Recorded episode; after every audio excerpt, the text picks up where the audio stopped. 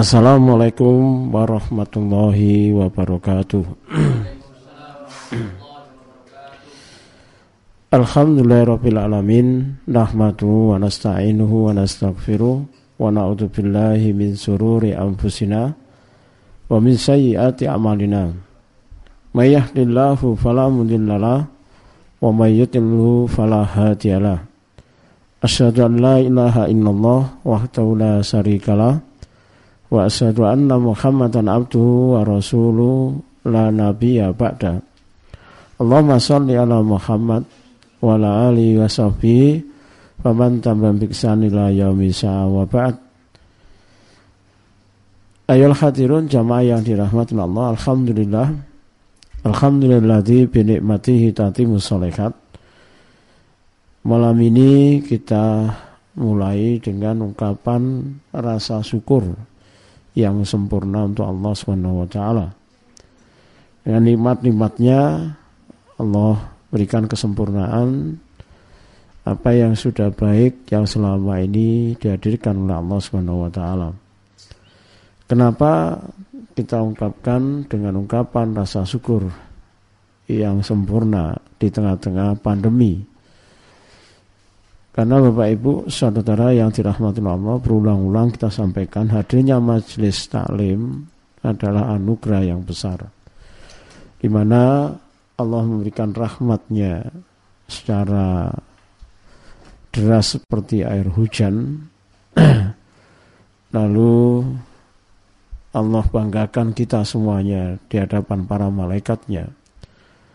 Wa fiman indah.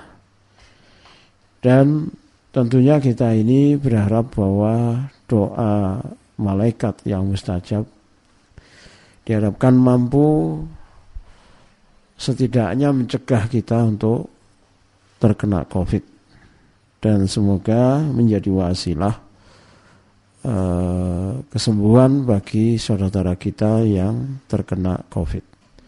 Karena itu kita mengungkapkan rasa syukur yang tidak terhingga yang menghadirkan kajian malam ini ya dengan segala anugerah nikmat yang ada di dalamnya. Bapak Ibu, saudara yang dirahmati Allah, semoga kajian kita ini dibimbing oleh Allah, ya dijauhkan dari sifat mengandalkan diri sendiri. Lalu ilmu ini diberkahi, memberikan manfaat yang banyak. Judul kajian kita malam ini dan ke depan pekan yang akan kita lalui eh, fokus pada insya Allah pada pandemi COVID-19.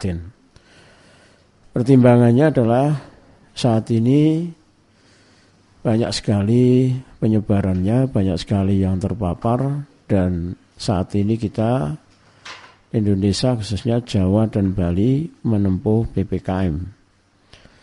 Sehingga Bapak Ibu, saudara yang tidak mati Allah, perlu kita kawal ya situasi yang lagi menyebar virusnya.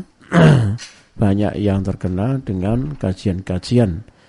Terutama kajian yang melengkapi upaya pemerintah yang yang tentunya kita syukuri, kita hargai secara luar biasa berusaha untuk mencegah penyebaran ini dengan kebijakan yang dua pekan ini kita eh, dibatasi. Dalam rangka tentunya agar eh, penyebaran tidak bertambah yang sakit segera bisa disembuhkan dan kita semuanya ter, terjaga terlindungi.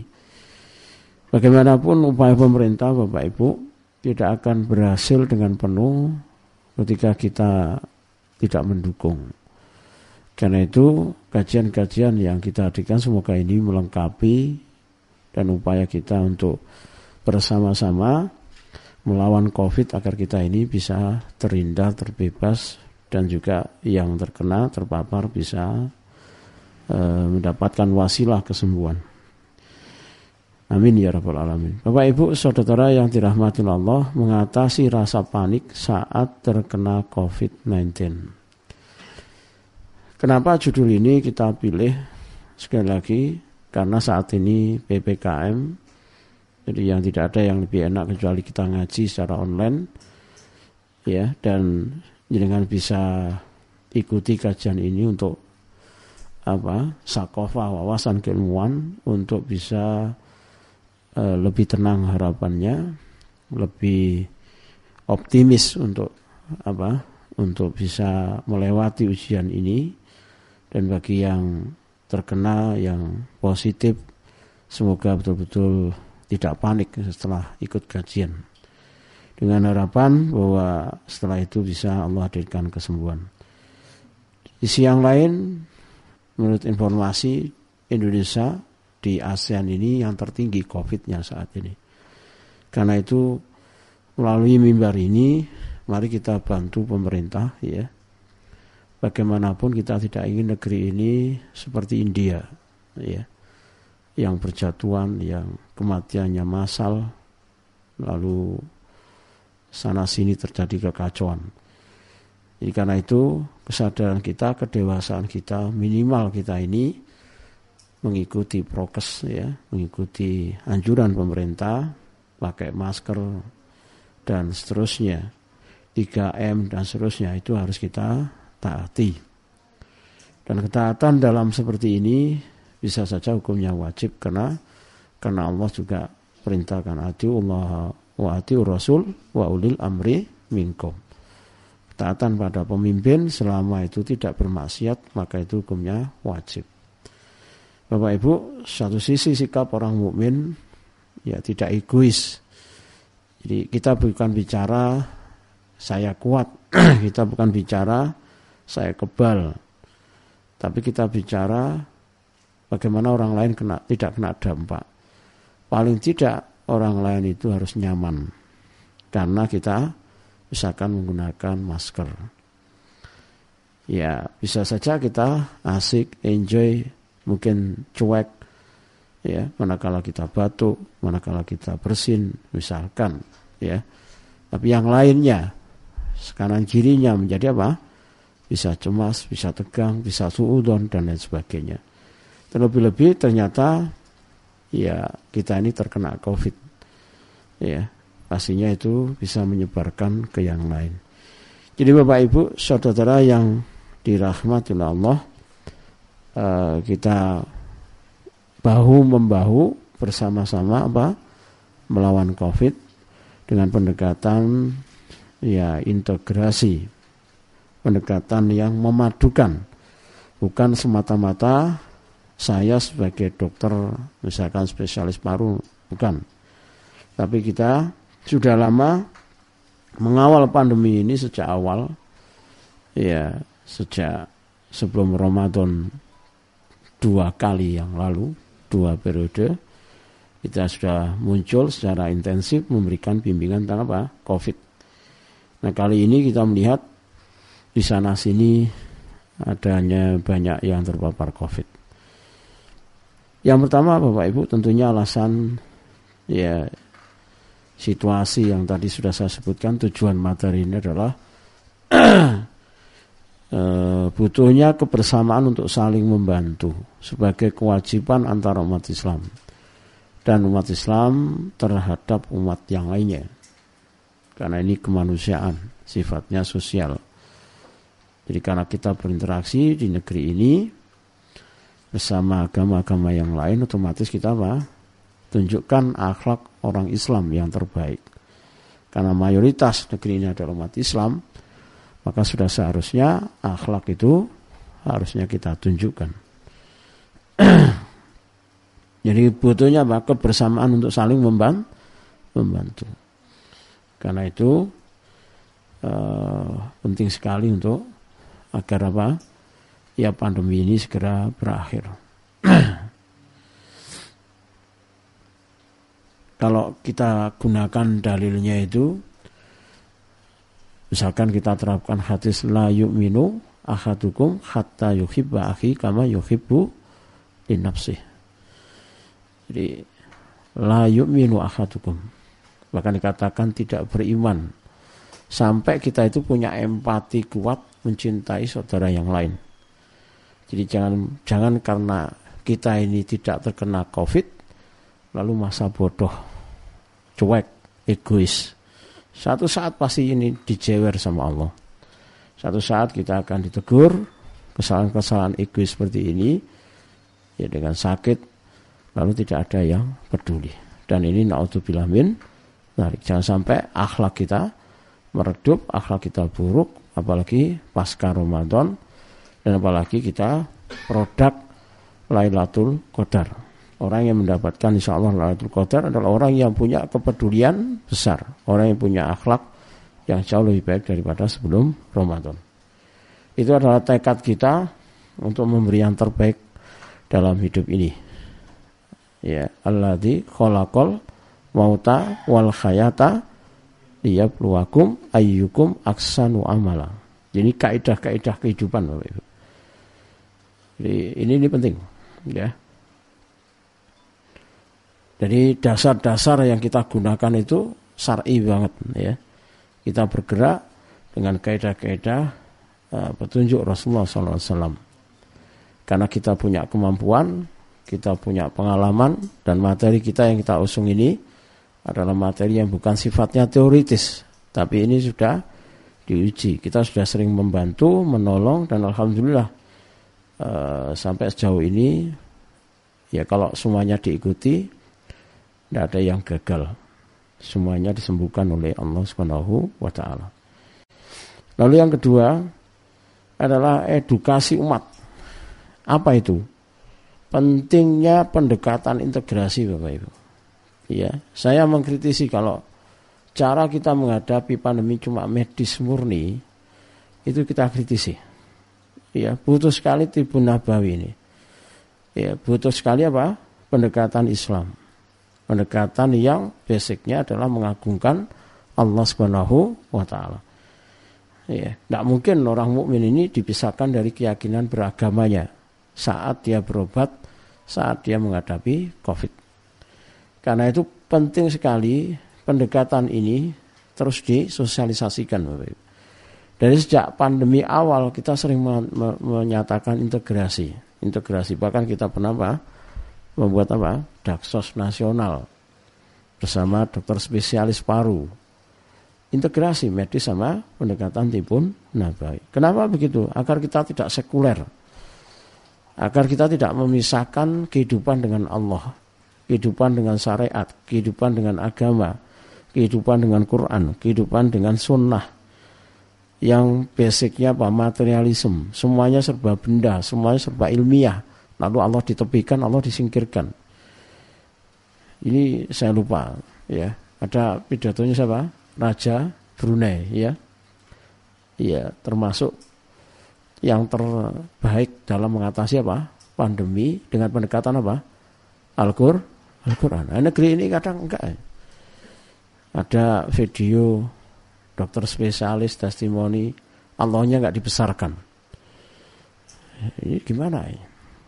Ya ini ini, ini kalau berulang-ulang saya sampaikan kalau penyelesaian ya umat Islam khususnya dan pemerintah atau yang dikatakan stakeholder mungkin para medis dokter Satgas Covid itu menjauhkan dari Allah. Saya kok me, apa, melihat ini sebagai apa? Hal yang pesi, pesimis. Jangan-jangan tambah ditambah lagi. Karena tidak sadar bahwa tujuan dari musibah, tujuan dari pandemi ini adalah agar kita apa? Kembali ke Allah Subhanahu wa taala. Introspeksi di diri. Dan ini penting Bapak Ibu. Ya, penting sekali. Apalagi judul kita ini secara garis besar menjadi penyebab banyaknya kematian. Kematian itu yang paling besar disebabkan karena kepanikan, karena ketakutan, karena kecemasan. Lalu saturasinya turun, lalu tensinya naik, asam lambungnya naik. Sehingga kemudian apa? Potensi kematian menjadi besar. Kenapa begitu? Karena jauhnya dari Allah Subhanahu wa. Tapi insya Allah Bapak Ibu, negeri ini khususnya umat Islam sudah banyak belajar dari awal pandem, pandemi. Dan mudah-mudahan ini tidak dilupakan. Jadi kita munculkan lagi dalam rangka untuk apa? Murojaah, mereview kembali ingatan kita bahwa cara yang terbaik mengatasi pandemi adalah dengan pendekatan integrated, integrasi antara medis dengan Islam. Dan bahasa yang kita yakini Bapak Ibu yang terbesar adalah pendekatan keyakinan kita kepada Allah Subhanahu wa taala, bukan sebaliknya meminorkan apa? Allah Subhanahu wa taala. Nauzubillah min dzalik. Ya. Lalu berbagi pengalaman dalam menerapi pasien COVID yang sudah sembuh. Kita akan nanti dasari bahwa terapi-terapi atau pandangan kita ini didasari atas pengalaman-pengalaman lapangan. Dan yang terpenting adalah agar kita tidak panik saat terkena COVID. Ya. Jadi intinya Bapak Ibu yang belum terkena berarti tidak perlu apa?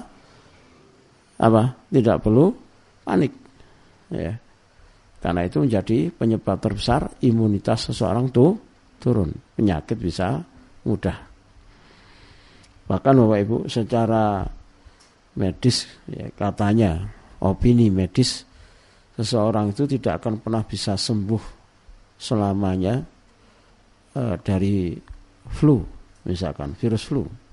Karena kita ini selalu ada virusnya. Lalu yang mencegahnya kita tidak flu itu karena apa? Karena imunitas kita karena kekuatan fisik kita. Itu pendapat medis artinya bapak ibu eh, dengan ancaman atau dengan apa potensi penyakit yang terus bisa saja menyerang kita, maka yang harus dibutuhkan apa? Tetap ten tenang. Karena dengan tenang itulah fisik kita akan juga terpengaruh, tidak drop, ya termasuk psikologi kita tidak drop, lalu dampak ke fisik kita juga akan se sehat, sehingga dengan begitu kita bisa menolak virus itu, ya. Lalu kita mulai dari dasar-dasar tentang pengertian panik dulu Bapak Ibu. Ya, kita ambil dari situs resmi kedokteran, lalu dokter serangan panik.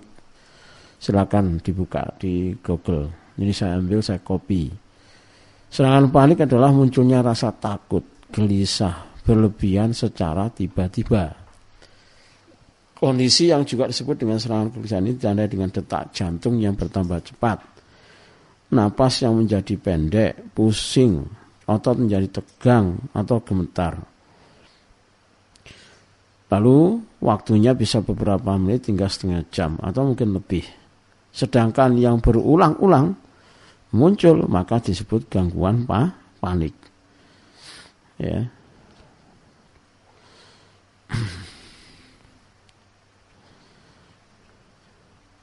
Jadi yang berulang-ulang menjadi apa? Gangguan pa, panik. Serangan panik beda dengan gangguan pa, panik. Bapak Ibu, kita cocokkan penjelasan medis dengan ya bagaimana kita menemukan situasi lapangan dengan pendekatan tibun nabawi. Ini ini panik ya, panik tanpa ada kaitannya sama Covid. Coba kan kalau baca ini, ini seolah-olah apa ini? Covid apa enggak ya? Ya seolah-olah ya, seolah ya iya loh. Misalkan napas pendek, pusing, jantung bertambah cepat detaknya, gelisah, ya, gemetar. Ini kan sebagian tanda-tanda yang kerap kali mendampingi orang kena COVID. Artinya COVID sendiri ada, kepanikan sendiri menambah. Itu logika keilmuannya. Paham ya? Betapa pentingnya mencegah kepanikan ketakutan, kecemasan. Sekarang kita kelola. Ya, data ini kita kelola, pengertian ini kita kelola. Bagaimana kita gambarkan situasi kalau orang diobati di rumah sakit tanpa keluarga. Semuanya serba sendiri. Perawat datang di durasi waktu tertentu. Di luar itu tidak semudah itu. Kira-kira panik ke mana itu? Jadi ada pekondisian lapangan yang itu memang tidak bisa dihindari. Orang kena COVID itu akhirnya bertambah apa? Sesak pernapasannya. Jadi sudah COVID-nya nyerang pernapasan, situasi perawatan pengobatannya menambah apa? sesaknya pernapasan itu. Paham ini? Dua hal sebetulnya berbeda. Tapi ini bersatu menjadi ya, dalam apa, e, situasi orang kena panik, kena covid itu. Bisa kita bayangkan gimana itu? Tambah sesak pun dia. Tambah sesak. Taruhlah begini, kita ini dalam situasi tidak ada pandemi. Tiba-tiba ada trigger, ada stressor, atau pemicu yang membuat kita panik. Maka yang terjadi ini definisinya. Apa? Nafas pendek, ngos-ngosan. Paham ya Bapak Ibu ya? Paham? Ya, itu padahal tidak ada pandemi. Artinya kita itu memperparah COVID sendiri gitu loh. Apa? Memperparah COVID sendiri. Loh kenapa kok bisa begitu? Hmm.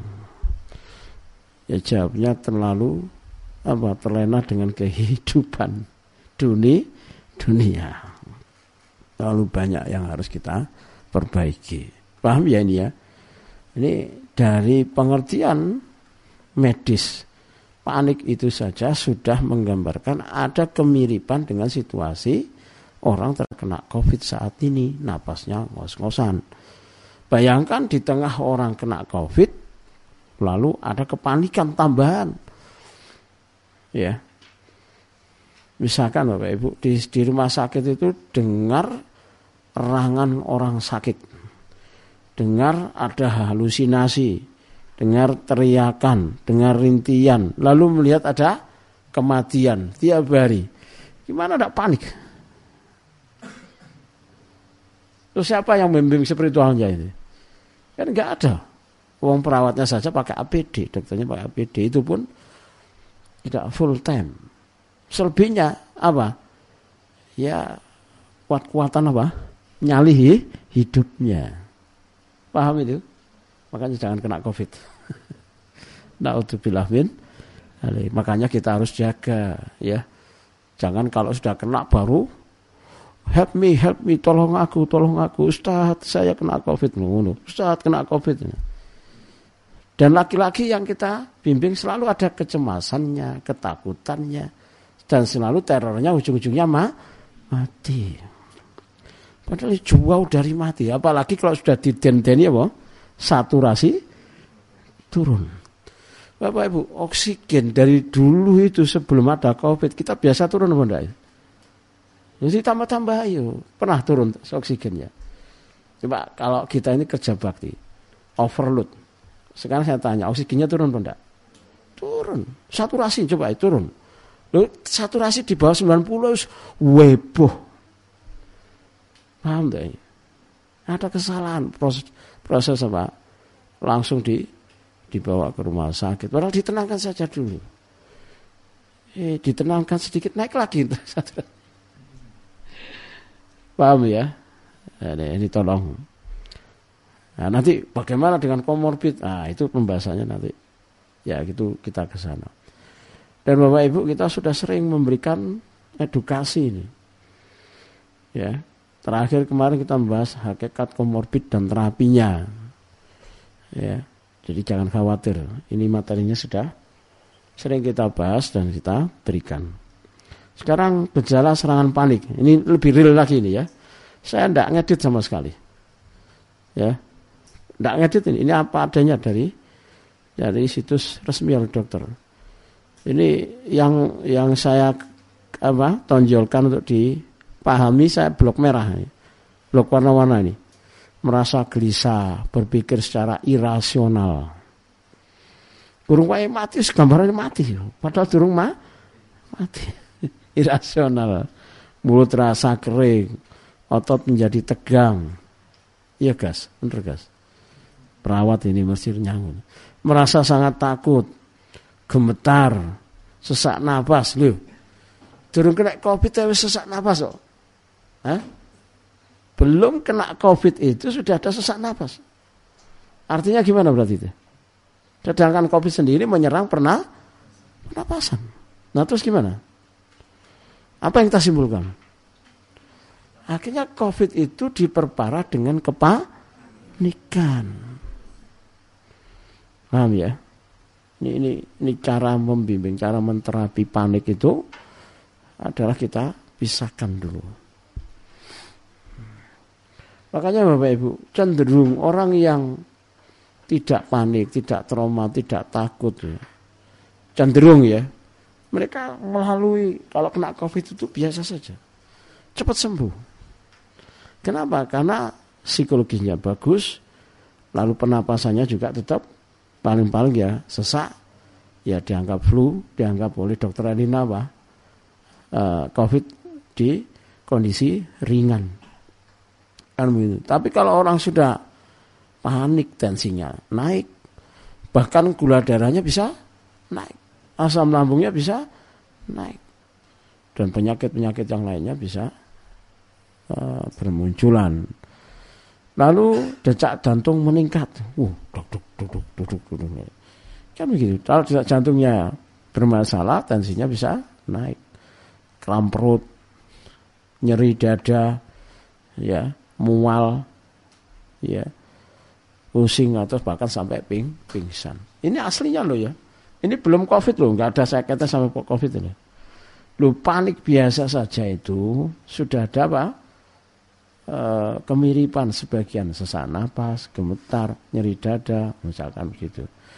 Sehingga kita menemukan banyak sekali orang terkena COVID itu yang seharusnya ringan itu tampak berat. Kenapa? Karena panik terlebih dahulu atau panik setelahnya, takut setelahnya, cemas setelahnya. Nah, Bapak Ibu sekarang gini. Apa jadinya kalau informasi COVID ini kita terima tiap hari? Berita mati, delta, bahas obat, apa yang terjadi? Mikir penyakit tuh. Durung loro wis ketok lo loro. Belum sakit sudah kelihatan sa sakit, nggak ada pembahasan lain.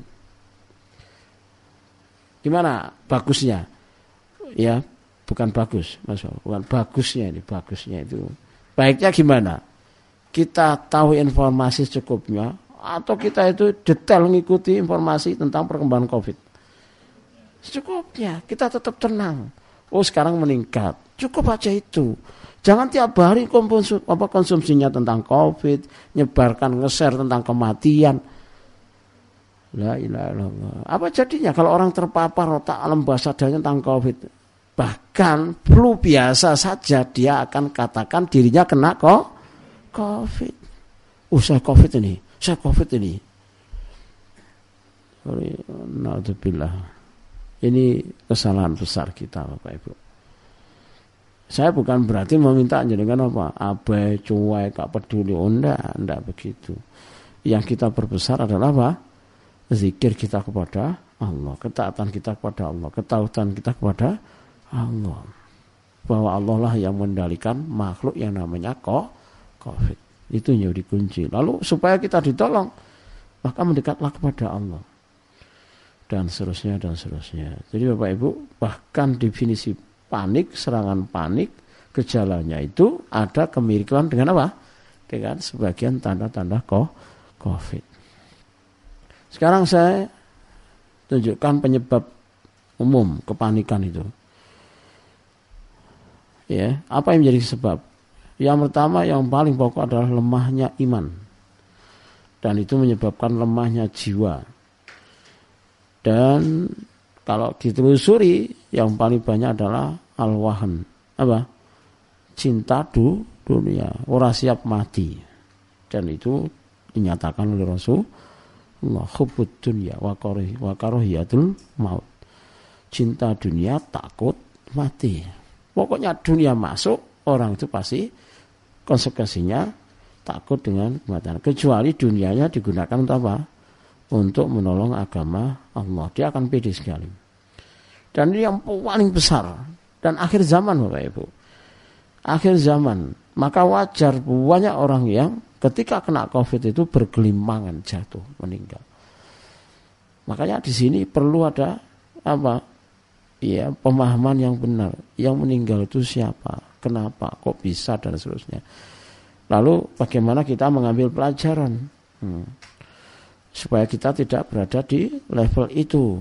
Ya kita kuatkan iman kita. kan begitu.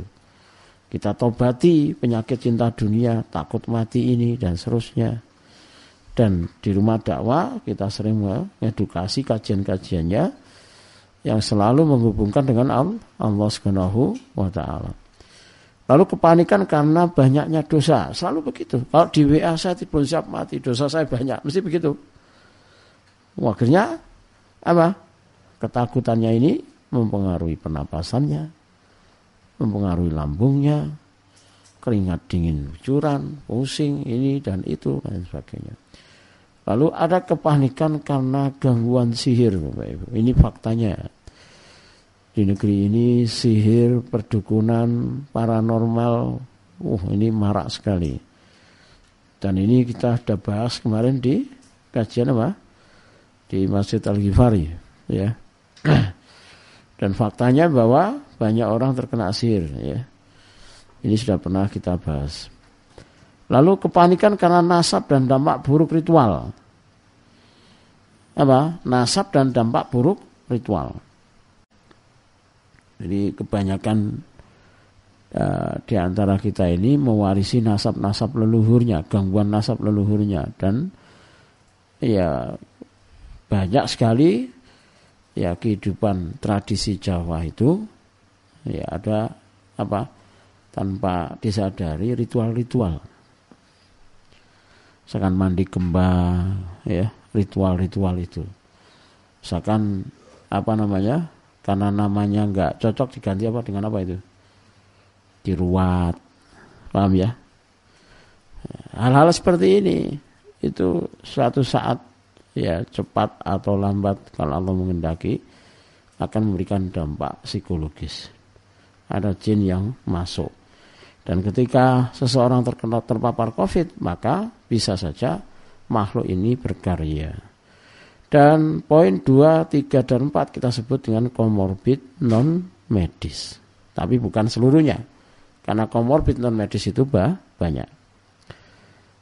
Bapak Ibu, jeda iklan lewat. Apa? Jangan lupa resum karena ada hadiah hadiahnya. Seret iklannya lewat. Orang rajin nulis ya semuanya. Alhamdulillah. ya saya lupa bahwa kita hadirkan apa flyer tam tambahan. Ada apa? Ada hadiah. Untuk meresum saja. Tidak sulit insya Allah. Maka nanti resum terbaik ya. Bukan memfoto terus dikirim semuanya di. Slide saya difoto terus dikirim lagi ini. Ini resum saya. Ya. Karena flyer itu PowerPoint itu sudah resuman. Sama tulis lagi resume aslinya ya tidak begitu. Kepanikan karena komorbid medis ini yang sering terjadi. Misalkan ada tensi, ada gula darah, misalkan ada jantung, ya, ada pneumonia, misalkan penyakit-penyakit itu, ada autoimun, ya, mungkin ada kanker, orang sudah panik terlebih dahulu. Lalu kepanikan karena komorbid gabungan. Gabungan itu medis dan non medis. Ini kan nggak ada kajian di pemerintah itu. Kajiannya hanya di rumah dakwah. Karena itu Bapak Ibu kita biasa bimbing dan alhamdulillah sejauh ini betul-betul ya angkanya bisa 90 up persen itu Allah sembuhkan. Atau kalau boleh dibilang terang-terangan belum ada yang gagal. Adapun misalkan ada kematian yang terjadi ya, itu karena salah satunya dampak pasca apa? Kena COVID. Ini suatu saat saya akan tulis bukunya bagaimana cara nerapi orang yang terkena apa? COVID dampaknya. Judulnya kalau di medis itu apa? Badai sitokin. Apa? Badai sitokin. Ya. Apa itu wis pokok sampe rungokno ae gak ngerti. Yang di dimer pengendalian darah, yang fibriotis, fibriotik apa? Muncul jaringan paru di, di paru dan macam-macam. Atau bahkan muncul komplikasi gangguan or, organ dan lain sebagainya. Itu bahasa medis. Tapi dalam lapangannya Allah bantu, Allah tunjukkan kita berhasil membimbing menterapi kasus seperti ini. Ya. Dan kita belum banyak-banyak ya, artinya belum banyak nantang-nantang mana saya terapi enggak. Sejauh ini yang kita bimbing alhamdulillah Allah tolong, Allah sembuhkan. Bahkan lebih cepat. Ya. Dan Bapak Ibu sekali lagi bukan kita mau menang-menangan enggak, kita inginnya integrasi. Jadi semuanya berjalan. Lalu kepanikan sudah terjadi karena berpisah dengan keluarga dan terpapar berita kematian. Ini kan begitu. Sudah kalau dibawa ke rumah sakit apalagi masuk ke ICU. Oh ya sudah. Biasanya tinggal riwa, riwayat. Ini yang harus kita apa? Tata. Sekarang ini kalau kita tidak kena apa? Covid, maka yang seperti ini diantisipasi, diantisipasi. Ya bagaimana supaya iman kita kuat? Bagaimana supaya kita tidak lemah mentalitas kita? Bagaimana kita supaya tidak terpapar penyakit apa? Alwahan, seneng mbek dunya, wedima mati. Bagaimana sekarang ini kita harus tobat? Ya, karena itu penting. Karena itu membuat kita apa? Ada kedekatan sehingga yakin dengan pertolongan Allah. Akibat fatalnya Bapak Ibu tadi ini ya atau coba saya geser ini. Ini ada susunan lain. Akibat fatalnya nanti kedua susunannya. Nah ini tak tak, tak menentukan dulu di sini Bapak Ibu. Gitu ya.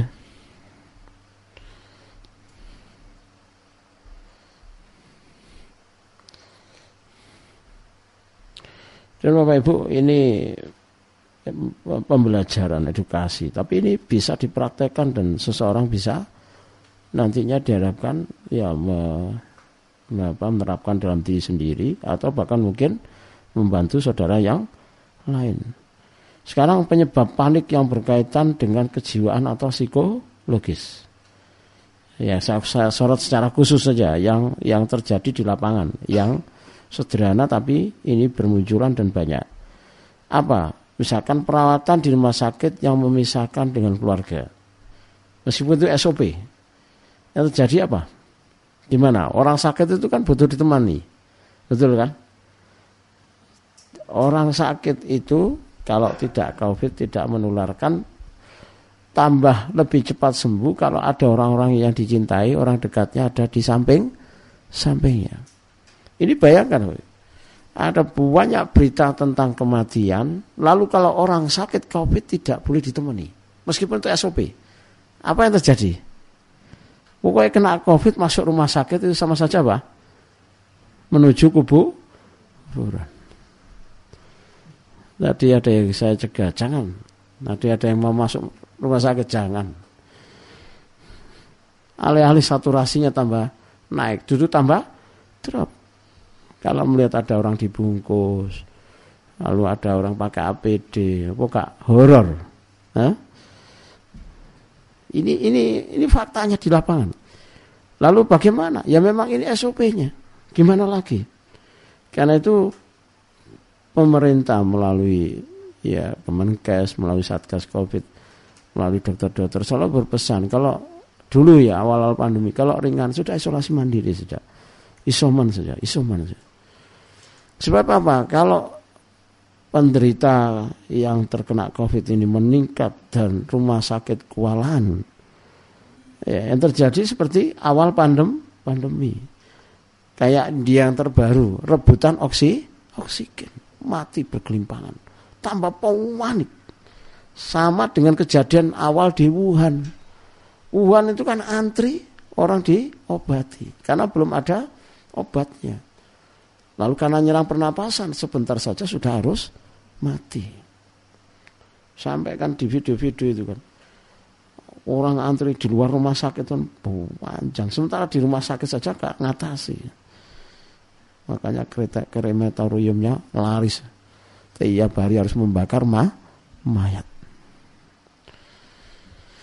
Karena itu Bapak Ibu, yang paling penting pengobatan itu yang terbaik apa? Mencegah daripada mengko berarti al wiqayatu khairu minal ilaj mencegah itu adalah pengobatan yang terbaik. Sebaik-baiknya apa? Pengobatan, mencegah. Nah, maunya pemerintah sebetulnya kan herd immunity itu kan supaya apa? Terjadi kesehatan nasi nasional. Tujuan vaksin itu supaya apa? Terbentuk apa? Kesehatan secara komunal, secara nasional. Maksudnya begitu. Ini ini butuh dipahami gitu ya. Jadi kembali kepada kepanikan yang tergambar ya, yang itu menyerang psikologis yang berkaitan dengan psikologis adalah gambaran kalau orang masuk rumah sakit itu tidak ada yang nemani. Merawat diri sendiri perawatannya terbatas ya. Lalu yang kedua pelayanan yang dirasa masih kurang, terutama makanan. Ini informasi yang saya dapatkan. Ya. Apalagi ada yang melarang, ada yang melarang dari keluarga mengirim makanan di rumah sakit. Seperti yang terjadi di Bandung kemarin. Dari pihak rumah sakit melarang apa? Asupan makanan. Sementara terkadang Bapak Ibu, uh, ya kita ini kadang kalau tidak masakan keluarganya tidak enak. Kalau kita tidak dikirim apa, rasa yang disukai apa, kita sulit mah makan. Padahal dalam kajian pengobatan Ibnu Nabawi, Ibnu Qayyim, Rasulullah SAW itu bahkan mengizinkan seorang sahabat yang sakit meminta makanan yang sebetulnya menurut medis tidak boleh. Kenapa begitu? Harus dituruti karena unsur psikologi itu lebih utama unsur kejiwaan itu lebih utama. Dan ini sudah pernah saya bahas di awal-awal pandemi dan khususnya di Ramadan dua tahun yang lalu. Ramadan dua kali yang lalu. Dan itu merujuk pada kitab apa? Tibun Nabawi Ibnu Qayyim. Dan itu hadis Rasulullah SAW yang sohe. Nah, bayangkan kalau ini di stop, di stop, stop, stop betul-betul orang itu berjuang apa dengan dirinya sendiri. Ya untungnya sekarang ada HP, bisa telepon, telepon-teleponan. Setidaknya itu membantu. Nah, alhamdulillah di Saiful Anwar itu diizinkan untuk memberi makanan. Ada sebagian rumah sakit yang tidak mengizinkan. Dan makanan ini sangat mensupport ya. Wong yang isoman saja instruksinya apa? Apa? Istirahat cukup, makanan apa? Banyak gizi. Ya jahenya, belum jeruknya, belum jemurnya, berjemurnya dan seterusnya. Lalu kalau di rumah sakit apakah terpenuhi makanan-makanan yang dibutuhkan oleh pasien dalam jumlah lebih, bukan hanya cukup. Sehingga bayangkan kalau situasi pelayanan itu kurang dan kita tidak maju rumah sakit ya. Ya. Kenapa begitu? Ya itulah yang terjadi. Itulah faktanya. Karena itu kadang Bapak Ibu, kematian itu bukan karena semata-mata Covid, ada kondisi yang memperparah situasi yang ada di lapang di lapangannya. Terutama kalau jumlah pasien Covid itu melebihi do, dosis. Itu yang dibilang oleh Dr. Elina yang apa Dr.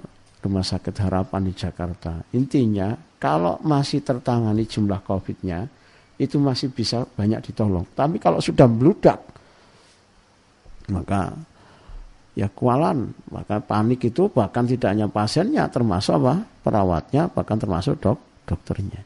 Sehingga bahkan dokternya itu dalam kondisi bayangkan lelah, stres, kira-kira turun nggak imunnya? Turun. Maka banyak dokter yang akhirnya juga mening meninggal. Bapak Ibu saudara-saudara yang dirahmati Allah.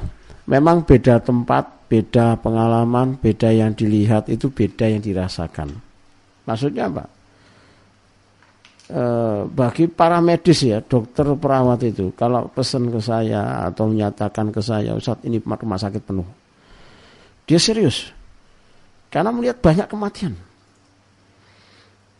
Bayangkan dokter melihat banyak orang mati, perawat banyak. Ya yang kita gimana? Ngewantai. Bahasa ini ngecat lombok pokoknya gak naktir mati orang mati. Itu bentuk tauhid tawakal yang keliru. terus gak maskeran, gak peduli itu berulang-ulang. Kita itu kadang tidak bijak di situ. Kendel yang tidak pada apa? Tempatnya. Makanya kadang-kadang kita itu nggak ngerti kalau sebetulnya dibatin sama dokter-dokter, perawat-perawat. Ya? Ya mereka bisa saja punya persepsi negatif negatif. Karena kita ini nggak ngerti lapa, lapangan. Ya. Baik bapak ibu sekarang banyaknya kejadian kematian disaksikan saat berada dalam perawatan di rumah sakit. Nah gini seperti tim kita yang sakit kemarin bagaimana pasien di depannya itu apa meregang nyawa meninggal di depannya ini horor bapak ibu Wong kita ini kalau ada orang meninggal satu saja di apa? Ditakziai, dirawat, ya kan gitu dengan khusuk, dengan hikmat kan gitu dan itu beruka ber, apa? berita wadu duka. Pengumuman yang pasti membuat orang kaget. Berita duka, innalillah, itu satu aja. Nah bayangkan kalau di rumah sakit itu sebentar berapa menit ada orang di dikeluarkan, dikeluarkan, dibungkus, bungkus. Gimana kira-kira nggak panik? Kadang-kadang dari sini kita bisa memaklumi betapa beratnya apa tugas dokter dan perawat. Kan begitu. Dari sini kan kita sudah tahu betapa ini kurang ajarnya kita kan gitu ya. Seenaknya Dewi berperilaku, betul enggak? Sementara yang di lapangan luar biasa pak. Nggak karu-karuan pontang pantingnya sementara kita seenaknya sen sendiri. Menyaksikan sebagian pasien covid yang mengalami halusinasi. Di rumah sakit teriak-teriak memanggil-manggil merintih itu kan ada testimoni baru saja dikasih makan belum lama teriak-teriak karyawan makan lapar itu kan orangnya sudah hampir kesurupan halusinasi. Apa begitu itu apa enggak? Terus tambah ngedonkan pasien. Belum lagi suasana samun. Tahu samun? Karena malaikat Israel banyak di situ. Apalagi enggak nak murotal. Nah kalau walaupun horor. Oh, horor. Saking seringnya dan banyaknya orang mati, kita jadi kebal beritanya itu. Itu yang kebal, yang lainnya tambah trauma, ngedrop, panik. Sebentar meninggal, sebentar kuburan ada orang yang membawa pakai AP, APD dan seterusnya. Jadi karena itu jangan cuek, jangan ego, karena keluarga tidak kena, karena kita jauh dari COVID, lalu kita doanya hanya untuk apa? Kita sendiri. Kadang di sini loh, kita itu ditegur, Pak Ibu ditegur karena egois banget tuh. Kita itu minta ke Allah tapi kita ditolak. Kenapa? Karena cara kita apa? Berdoa mohon itu hanya untuk nafsi nafsi. Sangat egois gitu. Layu minu ahadukum itu rusak. Betul-betul tidak sempurna iman itu karena nggak mikirkan orang lain. Aku yang lain nggak mendoakan, nggak mendoakan. Pernah jadi ketua dalam satu acara event. Siapa yang pernah? Ya, dijawab masing-masing di pikirannya ya. Itu berapa orang yang dibimbing? Berapa orang yang digerakkan? Berapa yang yang dipimpin di menit? 100, 200. Bayangkan pemerintah ini 200 7 juta. Ngeluh sih Rai. Menuso dengan otak yang berbagai macam karakternya. Semua urono mayurine diaturkan ngulon, ngetan, ngalor, ngidul. Wih, Betul enggak ya?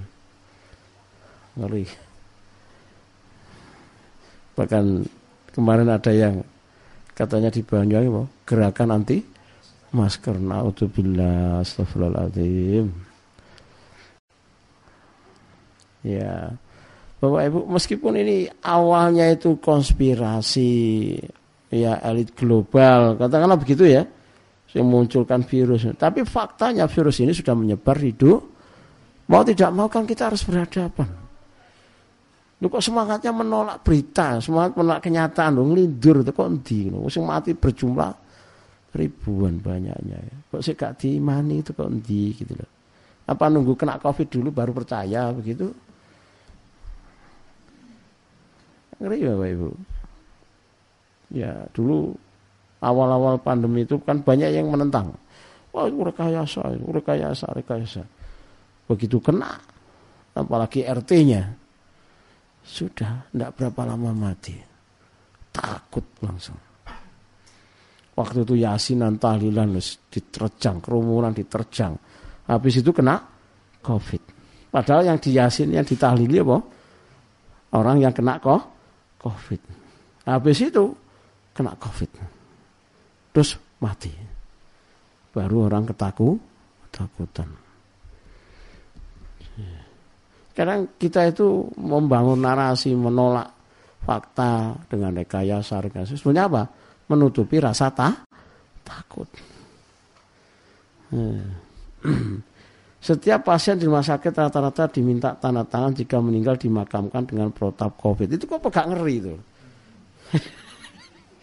Dan ini testimoni pasien yang hidup, yang selamat itu. Allah eh, selamatkan itu. Begitu tanda tangan masuk drop. Uh, langsung saturasinya tuh turun, imunitasnya tuh turun, COVID-nya na, naik, sesaknya apa? Bertam, bertambah bukan tangisan apa? Darah ngeri. Faktor ekonomi keluarga yang menjadi beban. Faktor adanya komorbid. Ini faktor-faktor psikologis mari kita dudukkan persoalan ini. Bapak Ibu, poin 1 sampai 7 itu kalau nggak dikaitkan sama Allah ya begini ini. Paham ya? Poin 1 sampai 7 ini kalau tidak dihubungkan dengan Allah seperti ini. Artinya orang itu tercekam, tercekat, dikuasai, terkooptasi dengan psikologinya, terkuasai dengan persepsi keputusasaannya, kepanikannya, ketakutannya, sehingga Allah itu tanpa meredup, melemah. Apalagi misalkan bagi orang yang kena COVID baru sadar dirinya butuh Allah. Wah itu kedandapan luar biasa. Artinya dia bukan orang yang soleh sebelumnya yang taat sebelumnya sehingga kemudian dia baru apa ya tersadar. Waduh itu luar biasa. Lalu akibat fatalnya Bapak Ibu yang terjadi apa? Sikap mengandalkan diri sendiri. Apa itu? Ya yang ada di pikirannya. Yang ada di hatinya. Lintasan-lintasan pikirannya.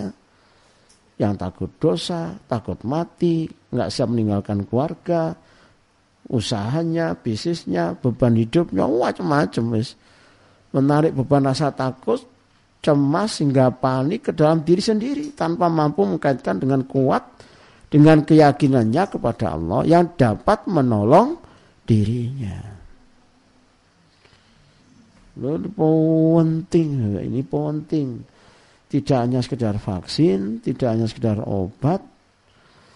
Nah, besok sore tak berikan materi yang juga penting sekali. Melawan COVID dengan imun dan iman dipadukan besok sore insya Allah. Itu penting sekali. Bagaimana seluruhnya supaya kita itu menang melawan COVID. Artinya kalau kita kena. Ini yang terjadi bu, di lapangan. Makanya kalau saya membimbing orang kena COVID, mesti saya tanya, ada pikiran apa itu? Di otaknya ada lintasan apa, ada bisikan apa, di hatinya ada apa. Mesti saya tanya, pasti mati, nggak siap mati, macam-macam. Dan itu mudah sekali. Kalau saya tanya terasa dingin, nah itu ketakutan. Kalau terasa panas itu marah, jengkel. Kenapa? Yang berontak tidak bisa. Gampang sekali. Jadi kadang kita cuma bimbing berapa ya. Kemarin ya, tadi pagi sudah kita bimbing. Kemarin ada yang saturasinya di bawah 90. Saya bilang nyantai saja, tidak usah iboh. Itu yang membuat saturasinya turun cuma setannya jinnya. Tok no aja. Dikeluarkan mutai setelah itu saturasi naik. Lucu ya. Aneh tapi tapi di kajian medis kan nggak ada. Makanya perlu dikawal, medis itu perlu dikawal. dikawal. Jangan terlalu arogan Bapak Ibu. Nah ditarik ke medis sampai akhirnya COVID itu dianggap oleh profesor apa? Ini COVID itu virus yang cerdik. Lu ono ono maneh ngono tadi. Padahal flu itu juga cerdik, ini lebih cerdik lagi. Lu meden-medeni gitu Dia itu mampu begini, mampu begini, mampu begini loh. Itu kan versi sains, versi medis. Itu kalau Allah tidak disertakan. Itu kalau zikir tidak dihadir, dihadirkan. Itu kalau tauhid tidak dikuatkan. Itu kalau doa tidak ada. Itu kalau Quran tidak dibaca. Ya coba tubuh orang kena COVID baca Quran. Yang terjadi gimana? COVID kan tahu diri itu. Wih, ono kalame Allah. Minggir, minggir, minggir. Ono kalame Allah. Tapi ada orang yang tidak bisa menghubungkan itu. Piye hubungannya Quran dengan COVID? Wong gunung lo dituruni Quran hancur. Lawa anzalna hadzal Quran. Lo masuk nang Covid itu Covid ngeyel. Kepada lo cilik lo. Tapi sekarang saya siapa yang yang kita bawa keyakinan seperti ini langsung langsung ngeklik. Ada yang oh, itu saat ini nggak nggak ilmiah ini, nggak medis ini, nggak lab. Duh. Masa kebenaran itu selalu dimutlakan dengan pengkajian ilmi ilmiah baru. Ilmiah itu kan merujuk pada dasar ilmu. Nah ilmunya pengobatan tibu nabawi ke mana? Ke Quran sun, sunnah. Tidak butuh lab. Butuhnya adalah dalil-dalil itu. Maka daksos awal itu sudah saya bilang, pengobatan tibu nabawi itu bisa memberikan faedah kalau pendekatannya keyakinan, bukan otak kiri. Di awal pandemi saya sudah mengatakan minyak abatu sauda itu loh. Kanjeng Nabi ngomong apa? Sifaun mingkuli dari lasam. Gak butuh diuji di lab. Masa Nabi diragukan. Ya Rasul, bentar, ini belum tentu benar. Ini harus dilabkan dulu.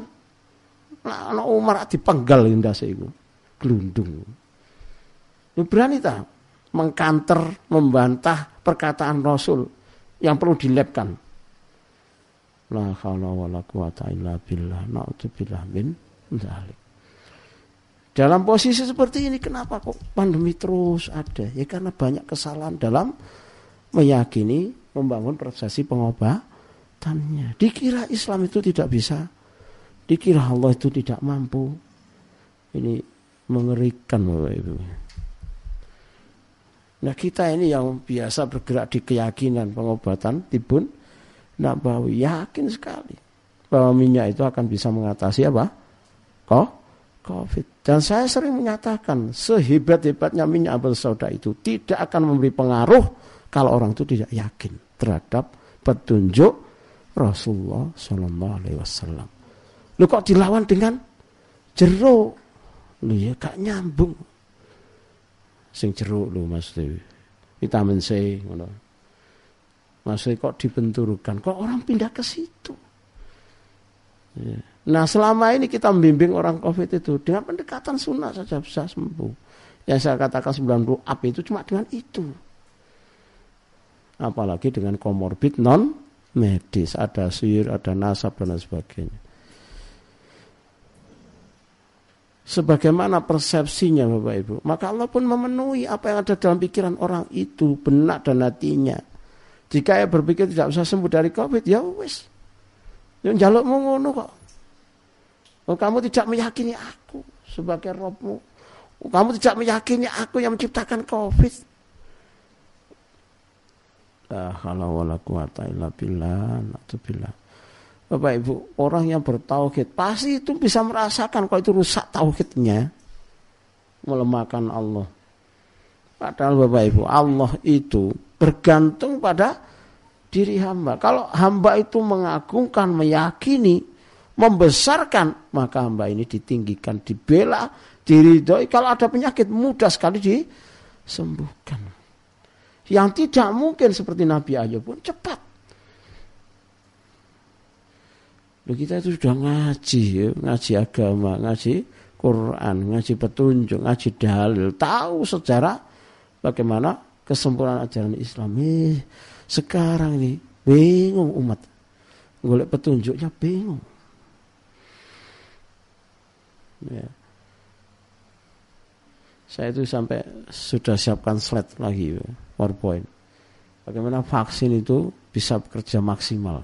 Sampai saya kenapa orang divaksin tambah loro, tambah kena virus macam-macam itu kita perlu bedah dari pendekatan apa? Tibun nabawi dari aspek lah langit.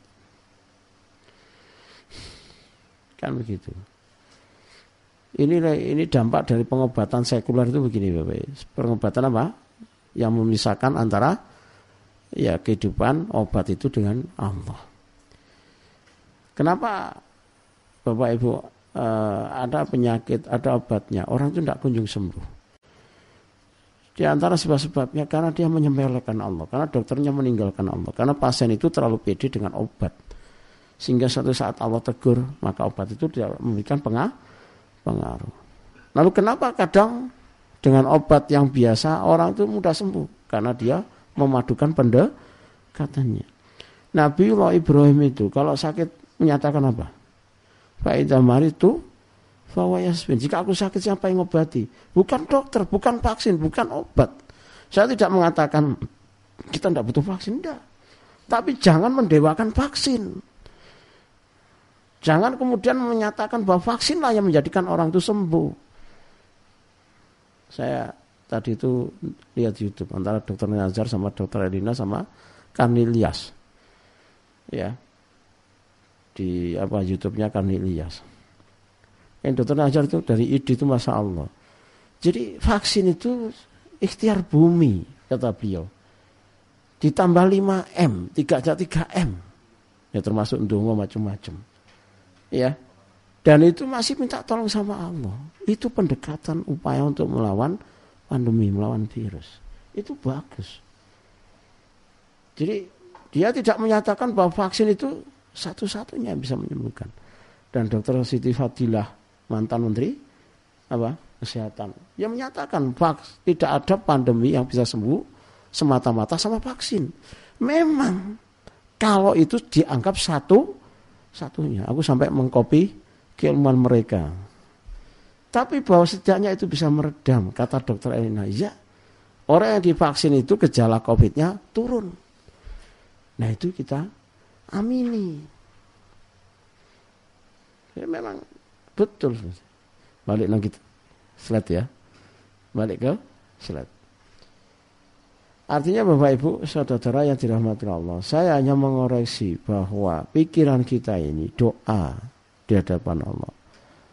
Apa kata Rasulullah SAW dalam hadis kursi, ini aku ini maaf doni abdibi bersama prasangka hambaku. Kalau dia menyatakan dia tidak sembuh dengan COVID, ya sudah. Berarti doanya minta kepada Allah bahwa tidak sembuh. Jika dia berpikir takut kematian dan dia betul-betul merasakan mati, maka seperti itulah yang Allah berikan takdirnya. Meskipun bisa saja dia ditakdir yang berbe berbeda. Akibat fatalnya bisa seperti itu. Makanya Bapak Ibu kalau pernapasan COVID sudah bermasalah ditambah kepanikan, gemetar jantung, ngos-ngosan, uh langsung apa? Napasnya satu, satu. Dipersepsikan apa? Seka. Wah, langsung. Akhirnya mati. Kan begitu. Oh, ini penting kan, apa kajian malam ini penting sekali. Kenapa banyak kematian COVID? Ini kuncinya. Penyakit COVID adalah penyakit baru. Ini kata para medis ini, dokter-dokter mengatakan baru. Hari ini benar, pekan depan, bulan depan dia bisa berganti. Hari fakta, bulan depan bisa jadi mitos. Karena karena itu dokter melakukan apa? Penelitian terus. Atau yang bagian peneliti ya, epidemiolog itu mengembangkan terus. Yang saya dengar, ini kalau kalau bahasa menakutkan apa? COVID itu sudah mutan 4000. Itu kalau dibahasakan COVID itu kan itu. 400 ribu kali sudah mutan. Mau kalau saya mau satu juta saya mau, kalau Allah mengendaki apa? Hancur ya han, hancur. Tauhid itu bicara begitu. Hmm. Jadi kalau suatu saat saya ya dimudahkan memberi materi itu, kenapa terjadi apa perubahan-perubahan COVID itu ketika terus masuk di tubuh seseorang. Bapak Ibu, COVID ini bisa saja cara Allah menghukum umat di dunia ini karena maksiat. COVID ini bisa saja cara Allah menyayangi umat Islam agar kembali. Nah sekarang kalau statusnya adab, misalkan di Wuhan yang ateis gitu, yang PKI banget itu, ya misalkan ya, gimana tidak mutan? Wong campur babi, betul? Campur campur apa? Riba, campur kafir. Coba mutan apa enggak itu? Variasi. Makanya kalau ini diputus dari Allah, ya orang bingung. Gimana cara mengatasinya? Bergerak terus. Ya, Islam itu sebenarnya sangat kaya, sempurna membimbing umatnya supaya tidak apa, galau, tidak kah, kacau. Lalu di kita, Ustaz, di Indonesia kok ya sama banyak loh umat Islam di Indonesia yang sirik banyak benda. Banyak bahkan itu dosa yang paling be yang terpapar riba banyak benda. Banyak. Hmm. Yang dosanya macam-macam maksiatnya banyak-banyak apa enggak? Banyak. Umat Islam yang korupsi banyak enggak? Banyak. Apa hubungannya sama Covid? The Dimer. Kok bisa dari situ? Apa The Dimer itu? Pengentalan dah. Dari mana kok bisa terjadi penolakan Dari hadis manabata lahmu minas sukti Allah narubia. Kata Rasulullah siapa saja yang dagingnya tumbuh dari yang haram, neraka tempatnya. Makanya begitu kena COVID langsung ada macam-macam komplikasi karena tubuh itu sudah tidak bagus. Terlalu banyak menyerap unsur kemaksiatan. Ini kalau tidak di, diambil pangkalnya, puing cara apa? Mendudukan berbagai macam kasus yang ada di lapangan. Bapak Ibu ini ini penting sekali ya Bapak. Sekedar saya kasih gambaran Bapak Ibu ya. Vaksin itu tidak bisa berdiri sendiri tanpa Allah, tanpa Islam, tanpa sunnah, tanpa doa, tanpa zikir, tanpa ketaatan. Tolong digaris bawahi. Jadi kan cari di YouTube. Pak Karni sama sama dokter Erlina, Erlina sama dokter Nazar.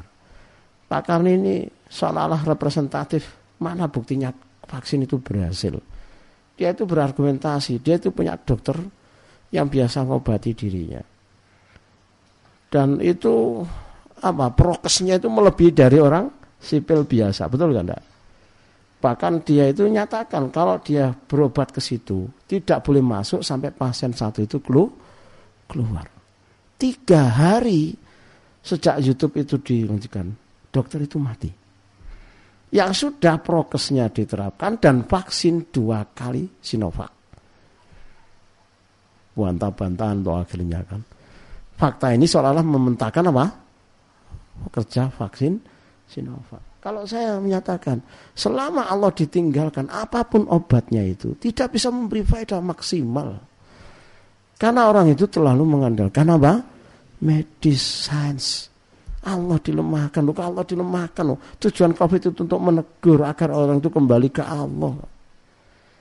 Ya. Lalu dokter Nazar membela, itulah vaksin. Vaksin itu bukan satu-satunya yang bisa menyembuh, menyembuhkan. Orang itu butuh menjaganya, ini dan sebagainya. Tapi bahwa vaksin itu bisa memberikan faedah, iya, itu loh. Karena itu Bapak Ibu, jangan sekuler. Ya, jangan juga anti vaksin. Ya menurut saya tidak juga bijak sana. Harus digabung dua dua-duanya. Hmm. Lalu kalau itu sudah menyerang pernapasan, penyakit baru. Lalu bayangkan sementara rasa cemas, tegang, takut hingga panik memberi dampak ke pernafasan. Apa yang terjadi? Seseorang bisa merasa ampak, sesak, megap-megap atau tensi naik hingga asam lambung naik, merasa kedinginan, ngedrop. Lalu ujungnya apa? Out. Ma? Mati. Jadi perasa apa pernapasan double-double itu Bapak Ibu, itu sebetulnya bisa ditekan, dipisah. Ngos-ngosan itu bisa dipilah. Ini ngos-ngosan COVID atau tambahan yang lain. Di situlah saya membimbing. Dan akhirnya Alhamdulillah banyak yang Allah sembuh, sembuhkan. Meskipun kita tahu teorinya, saya kita itu tidak harus langsung Wah mengiklankan enggak. Nanti pasti apa? Siapa yang dipilih oleh Allah untuk apa? Diselamatkan dengan pendekatan kita. Ya dikirim. Yang tidak ya sudah. Mereka pakai pendekatan-pendekatan yang lainnya. Bapak Ibu mari kita lanjutkan. Proses tekanan jiwa. Alur cemas. Ini ya. Ini cara untuk menghentikan panik. Panik itu kan nggak langsung tiba-tiba. Ada proses cemas, ada takut sampai akhirnya panik itu mesti dari 0% sampai ke 100%. Dari 0 sampai ke 100. Supaya tidak menjadi takut. Cemas ketakut. Apa yang harus dilakukan? Menghentikan apa? Derajat persentase cemasnya. Jangan cemas sampai 100 baru diatasi. Mulai agak-agak cemas itu langsung dihentikan. Harus dilawan. Kok saya ada kecemasan ini? Biasanya kalau ada cemas diteruskan, itu yang salah apa? Apa penyebabnya? Orang cemas diikuti itu, apa yang salah? Ayo, yang ngasih-ngasih tauhid. Ini praktek tauhid dalam kehidupan. Kalau ingin tahu buat tauhid, tauhid itu buah keh. Ini fikir asmaul husna. Di sini Bapak Ibu kita bisa apa? Menjernihkan. Kalau cemas itu diikuti, berarti kan orang itu terputus dengan Allah toh. Nanti nyambungin dengan Allah itu nanti. Itulah yang Rasulullah SAW tidak ingin. Wal takini lan nafsi terfata ini jangan kok apa serahkan aku pada jiwa. Orang itu kalau diserahkan oleh Allah pada dirinya sendiri, lan pontang panting, cempalian, jungkir, walik. Orang malah katakan apa? Teh, tewur ruwet gak karu-karuan. Jadi 0 sampai 100 itu. Jangan mau hentikan di angka berapa. Terserah ayo hitung-hitungan. Penak-penaan ayo. Dulu-duluran. Dihentikan di angka berapa? 100. Ya PNDW. di sini. Jadi kelihatan sebenarnya kalau sudah muncul ucapan, kegalauan, diucapkan, digalauan, itu sebenarnya sudah Lu nanti Allah itu ya Pak Ibu.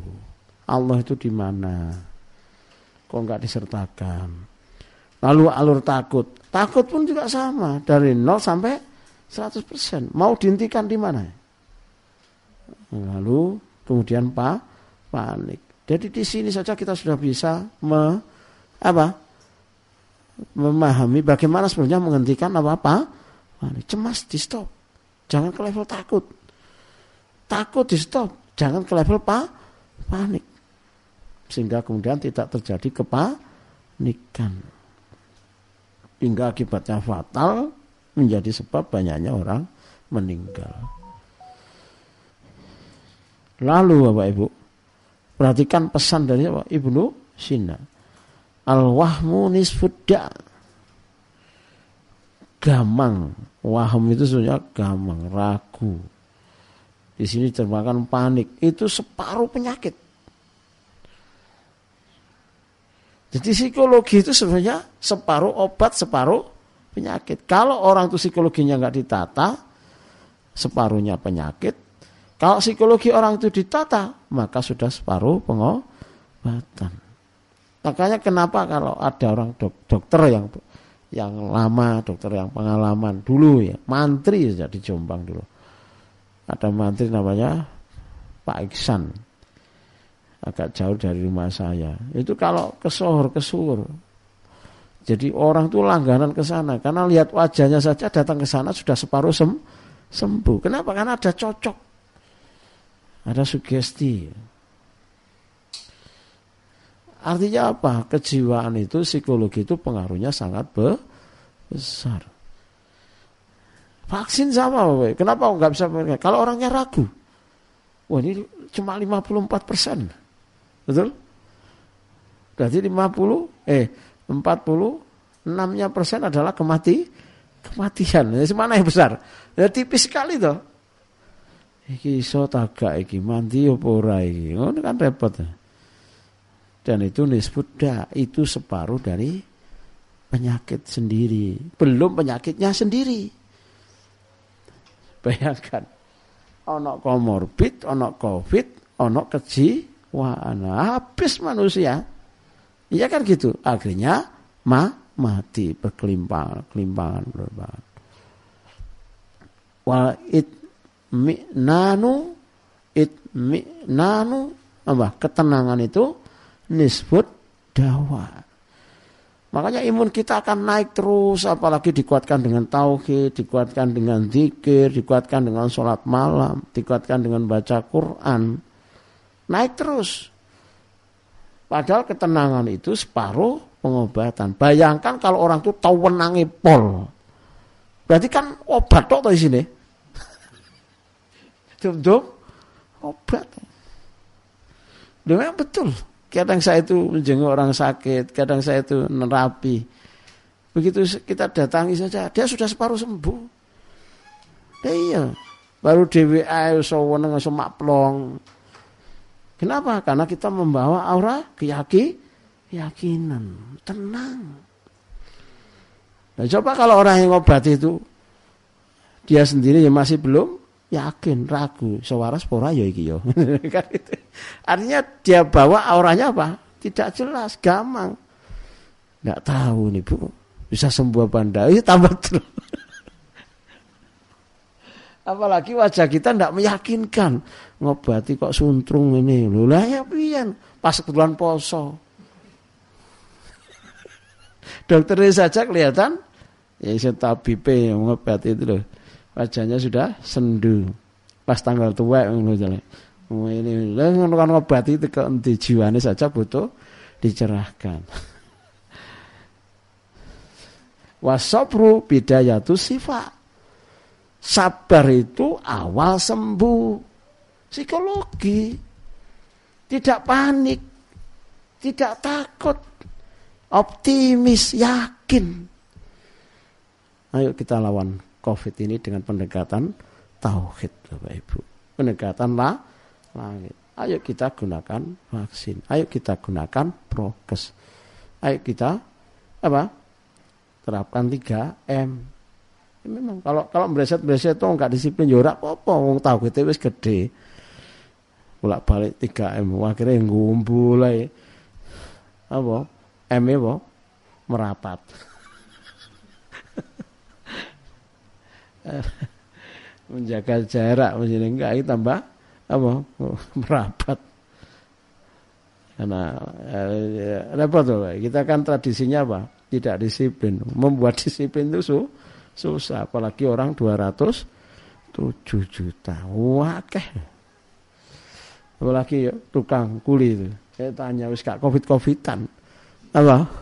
Yang penting kerja terus Masa tak pilek-pilek wis kena covid ya digawe kopi, ngopi, ngerokok, wis pokoke nggarap bayaran waras. Sekak mikir saturasi. Si saturasi ki bos-bose iku nek dina Sabtu iku. Iki iso oksigene mudun. Kan bayari tukang dum-duman duwe kok sithik ngene. Saturasine mau mudun. Coba para tukang kuli nek setiap Sabtu ngono. Saturasine naik. Iso njebuk njebuk 100 ponjol itu. Satu nasi satu ponjol ana. Sekarang kita lihat Bapak Ibu, pentingnya jiwa ini. Videonya siap ya? Iya. Suara sudah siap. Ini penting loh, ini ngaji di medis loh, ini ini sebelum Covid ini. Duh. Ini ya. Sobat Indonesiawan, tahu nggak kalian betul. kalau penyakit di tubuh kita ternyata bukan hanya disebabkan oleh pola makan saja, Diulangi ya. tapi ya. Gimana gesernya ini? Hmm? Kok gak ketok gambarnya? Gambarnya bi? Eh? Di back aja. Ya. Nah ini ini coba ya. Sobat Indonesiawan, tahu nggak kalian kalau penyakit di tubuh kita ternyata bukan hanya disebabkan oleh pola makan saja, Tetapi faktor terbesarnya adalah nah, spiritual piro? 50 persen. Subhanallah. Ini ini perlu disosialisasikan, diviralkan sa Indo. Misal vaksin itu butuh dikawal i iman. Tolong ya. adalah masalah spiritual sebesar 50%, psikis sebesar Suaranya. Sosial sebesar 15% dan fisik sebesar 10%. Para pro lagi ya. Sobat Indonesiawan, tahu nggak kalian kalau penyakit di tubuh kita ternyata bukan hanya disebabkan oleh pola makan saja, tetapi faktor terbesarnya adalah masalah spiritual sebesar 50%, psikis sebesar 25%, sosial sebesar 15%, dan fisik sebesar 10%. Para profesor yang meneliti hal tersebut bahkan menegaskan beberapa masalah emosi yang bisa membuat kita sakit-sakitan. Inilah beberapa di antaranya. Yang pertama, marah selama 5 menit akan menyebabkan sistem imun tubuh kita mengalami depresi selama 6 jam. Oh, aku marah loh ya. Tidak artinya jangan lewat videonya tapi tidak memaknai loh ya. Iya, saya kan harusnya motong-motong video ini kan. Ya, jadi ini penting loh ya, jangan dilewatkan ya. Padahal kita marah penata 5 menit. Paling minim berapa? Setengah jam, satu jam, setino. Anak si semarah sak minggu, dongkol sak minggu. Kira-kira gimana hormon yang muncul itu? Nah, ini ya, membuat imun tubuh kita menjadi mati, dendam, kepahitan, nelongso uripe. Ini ini penting loh Bapak Ibu ya. Jangan hanya sekedar apa? Lewat ini. Nanti videonya di-share. Yang mau di-share. Yang kedua, dendam dan menyimpan kepahitan akan menyebabkan imun tubuh kita menjadi mati. Dari situlah bermula segala penyakit seperti stres, kolesterol, hipertensi, serangan jantung, rematik, artritis, dan stroke atau pendarahan atau penyumbatan pembuluh darah. Yang ketiga, jika kita sering membiarkan diri kita stres, maka kita sering mengalami gangguan pencernaan. Yang keempat, jika kita... Nah, sekarang, sekarang panik itu Bayangkan dia di atasnya se stres. Lalu pencernaannya gimana? Gak karu-karuan. Makanya mual, mencret, diare kan gitu. Asam lambung naik, nyeri di dada, macam-macam. Mengerikan. Betapa butuhnya apa? Tauhid itu hadir di dalam diri seseorang. Ketakwaan, ketaatan itu butuh. Lanjut, siap? kita sering merasa khawatir, maka kita mudah terkena penyakit nyeri punggung. Yang kelima, jika kita mudah tersinggung, maka kita akan cenderung terkena penyakit insomnia atau sulit tidur. Jika kita sering mengalami kebingungan, maka kita akan terkena gangguan tulang belakang bagian bawah. Yang ketujuh, jika kita sering membiarkan diri kita merasa takut yang berlebihan, maka kita akan mudah terkena penyakit ginjal. Yang kedelapan, jika kita suka negative thinking, maka kita akan mudah terkena dispepsia atau penyakit sulit mencerna. Yang kesembilan, jika kita mudah emosi atau cenderung pemarah, maka kita dapat rentan terhadap penyakit hepatitis. Jadi, Sobat Indonesiawan, ternyata untuk hidup sehat itu simple banget. Cukup kondisikan hati kita senang dan gembira. Ingat kata pepatah, hati yang gembira adalah obat. Hati yang gembira adalah obat itu ya. Mohon maaf Bapak Ibu tadi ada wajah perempuan ya. Saya nggak bisa ngedit. Bahkan baru tahu kalau di belakangnya ada Ojo digolek salane, digolek bener Ucapkan terima kasih, jangan malah nyinyir gitu ya. Biasakan bisa membalas keba kebaikan. Jadi hati itu bersih. Baik. Sekarang kita lanjutkan. Warning. Apa warning itu? Peringatan keras.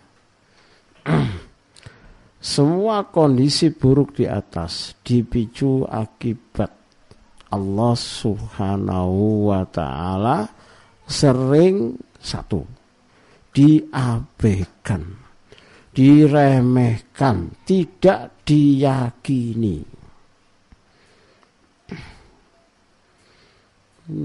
Ini akibatnya apa? Fatal. Kalau yang meremehkan, yang tidak meyakini, yang mengabaikan adalah pemangku kebijakan, maka kerusakannya akan sistemik. Ngeri, ngeri sekali. Gitu. Kalau yang meremehkan ini adalah para medis, dokter, dokter, dokter, sementara ini adalah ujung tombak perawat. Gimana Allah akan ridho dengan upaya pengobatan terhadap COVID? Kok sembuhnya itu disandarkan kepada ikhtiar bumi, ikhtiar manusia. Lalu Allah nggak disanjung, nggak dipuji-puji, nggak diagungkan. Mestinya kan kalimatnya ini semata-mata karena pertolongan Allah. Tidak semata-mata karena vaksin dan obat. Sehingga kita bisa sembuh. Mestinya begitu. Sehingga Allah ri, ridho. Lah kalau Allah diremehkan. Dia kan marah Allah. Yang mendekat siapa? Iblis setannya. Makanya nggak selesai-selesai COVID itu karena tidak ada pengagungan kepada Allah. Maka kita salut sama apa? Bro, Brunei. Brunei itu apa? Vaksinnya Qur, Quran. Tadi sudah saya katakan, Quran kok didumbek kok COVID. COVID ya kacrit no. Terbirit bi, dia tahu bahwa Quran itu kalamnya Nah, sekarang kenapa kok ada banyak orang tidak sembuh? Salah satunya dia tidak menggunakan Quran sebagai sarana pengobatan yang ia agung agungkan. Wa nunazilu minal Qur'ani ma wasifaun. Hmm. Di situ para uh, ahli tafsir, para ulama, kenapa tidak digunakan dawaun? Sebab kalau dawa potensinya bisa sembuh, bisa di, tapi Quran itu sifaun, jelas-jelas sembuh. Tapi bagi siapa? Yang imani. Yang prevensinya, prevensi memenuhi standar penyembuhan Qur, Quran. Nah kalau baca Quran tapi tidak yakin. Apalagi Quran ditepikan. Apa hubungannya Quran dengan COVID? Gendeng. Saya katakan ini sekuler banget Bapak Ibu. Kurang ajar banget loh. Ya ini kalam Allah. Sudah dinyatakan lo anzalna hadzal Qur'an ala jabal la ra'aitahu khasi'an mutasaddian min khasyatillah. Dia akan hancur lebur. Tapi itu untuk siapa? Orang akan mendapatkan faedah Quran kalau dia mengagungkan, meyakini itu betul-betul kalam Allah bagian dari zatnya Allah yang berbicara berbicara barulah dia mendapatkan faid. Nah kalau Quran semua sebagai bacaan, masalah. Cobalah kita hatamkan Quran. Mungkin tiga hari sekali. Apa tubuh kita yang terjadi? Sinarnya banyak benda. Cahaya di otak banyak enggak? Cahaya di jantung banyak enggak? Bagaimana cahaya di sujur tubuh kita? Terus covid biar melebu. Sungkan aku. Ya. Kan begitu. Tapi coba kalau kita sepi dari membaca Quran. Akhirnya kita diisi koran. Koran ganti nih.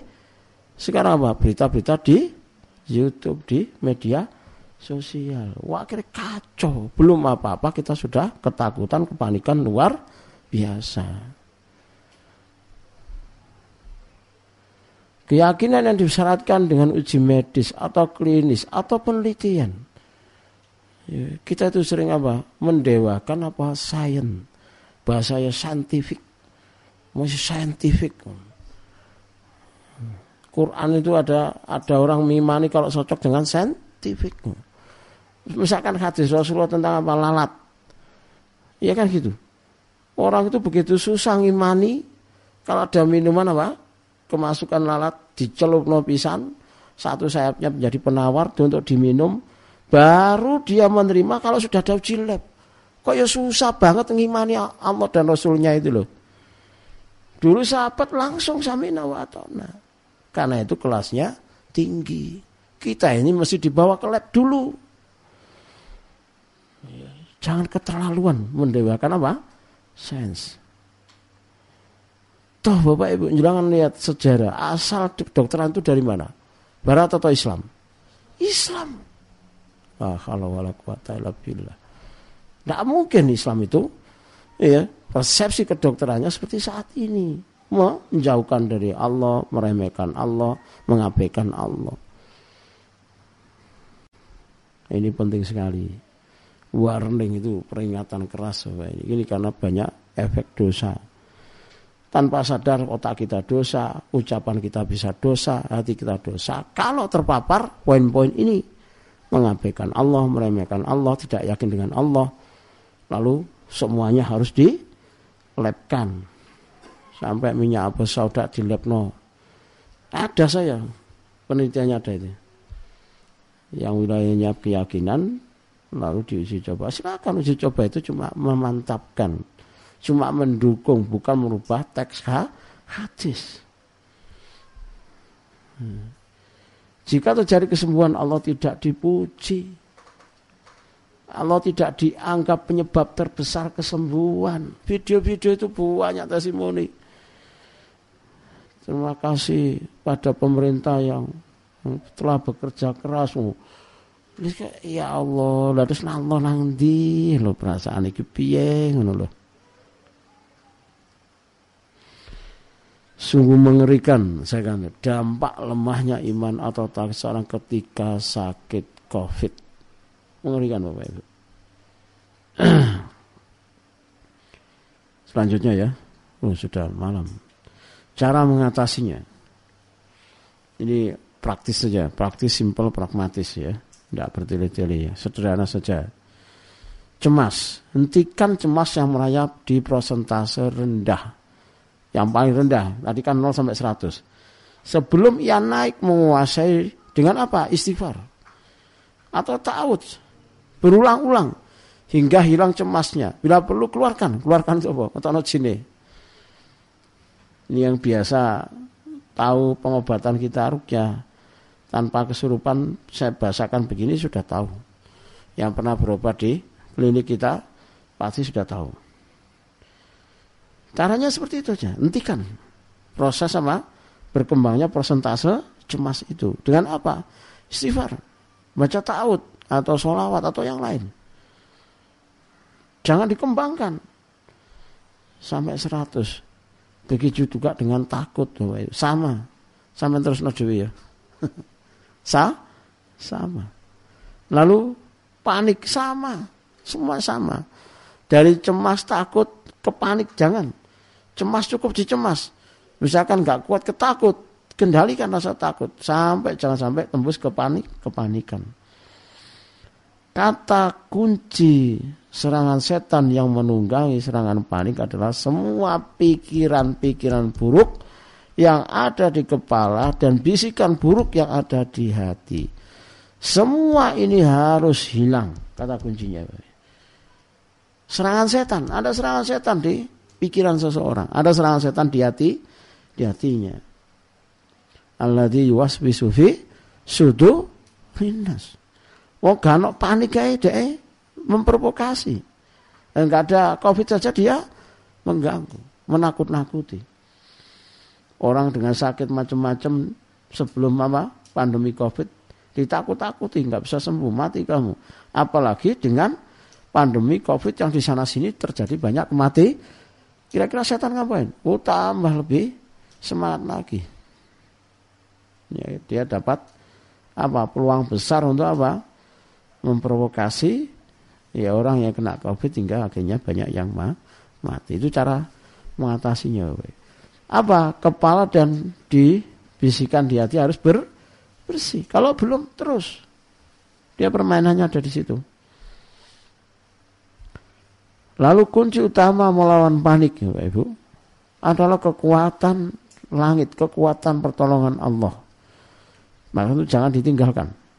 Ya. Jangan putus dari Allah, jangan putus dari Allah. Lalu poin satu bisa diperoleh dengan kekuatan tauhid. Maka kita ada kita berikan kajian apa? Tauhid.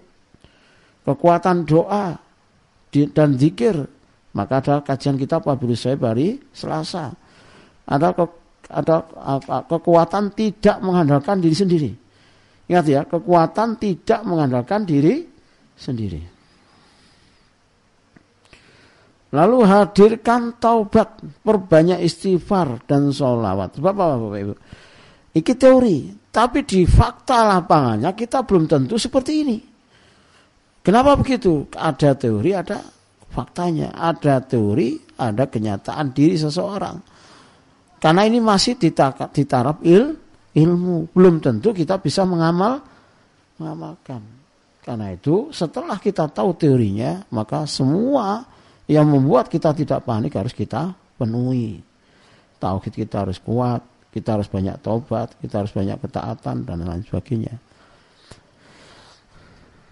Maka kepanikan akan hilang, saturasi akan stabil dan naik serta penapasan akan berangsur-angsur nor normal dan insya Allah akan sem sembuh. Amin. Wallahu musta'an.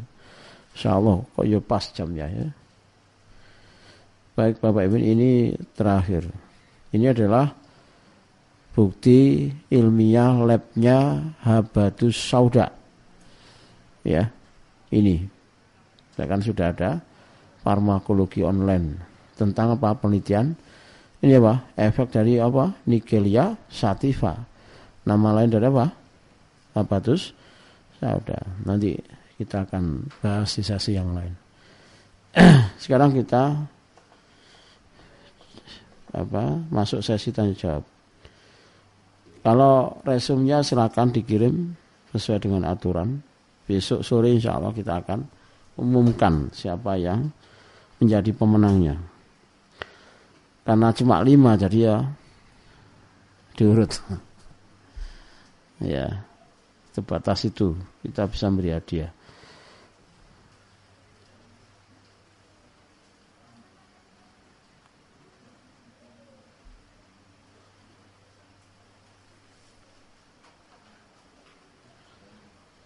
Baik Bapak Ibu. Yang diukur itu mohon maaf ya. Mohon maaf ini ini saya luruskan. Ibnu Sina itu bukan non muslim. Ya.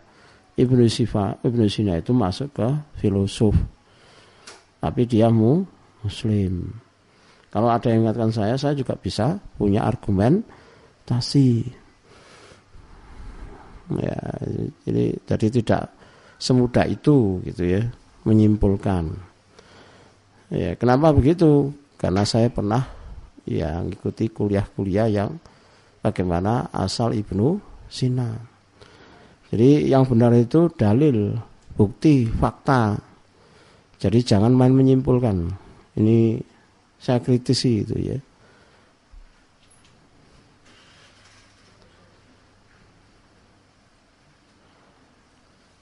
Nah, keluar dari Islam itu bukan berarti apa?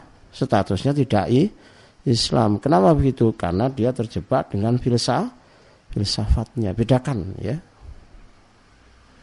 Tapi ingat kaidah mengambil ilmu Bapak Ibu. Ini penting ya. Ilmu itu bahkan dari iblis yang ajari ayat kursi diambil apa enggak? Diambil apa enggak? Lalu diambil. Saya itu pernah konsul sama Pak Yayu Satagus. Apakah bisa menukil dari orang-orang yang dianggap tidak kredibel. Katakanlah dia menyelisih sunnah. Karena tokoh-tokoh yang dianggap selama ini mungkin keliru. Ya kebenaran itu milik Allah di mana pun harus diam, diambil. Kalau di bidang itu dia pakarnya, maka di situlah diambil. Ya. Ini penting tuh ya. Karena memang apalagi isinya sudah ber, Benar, tidak ada masalah kalau saya. Baik, ada yang lain? Tidak ada?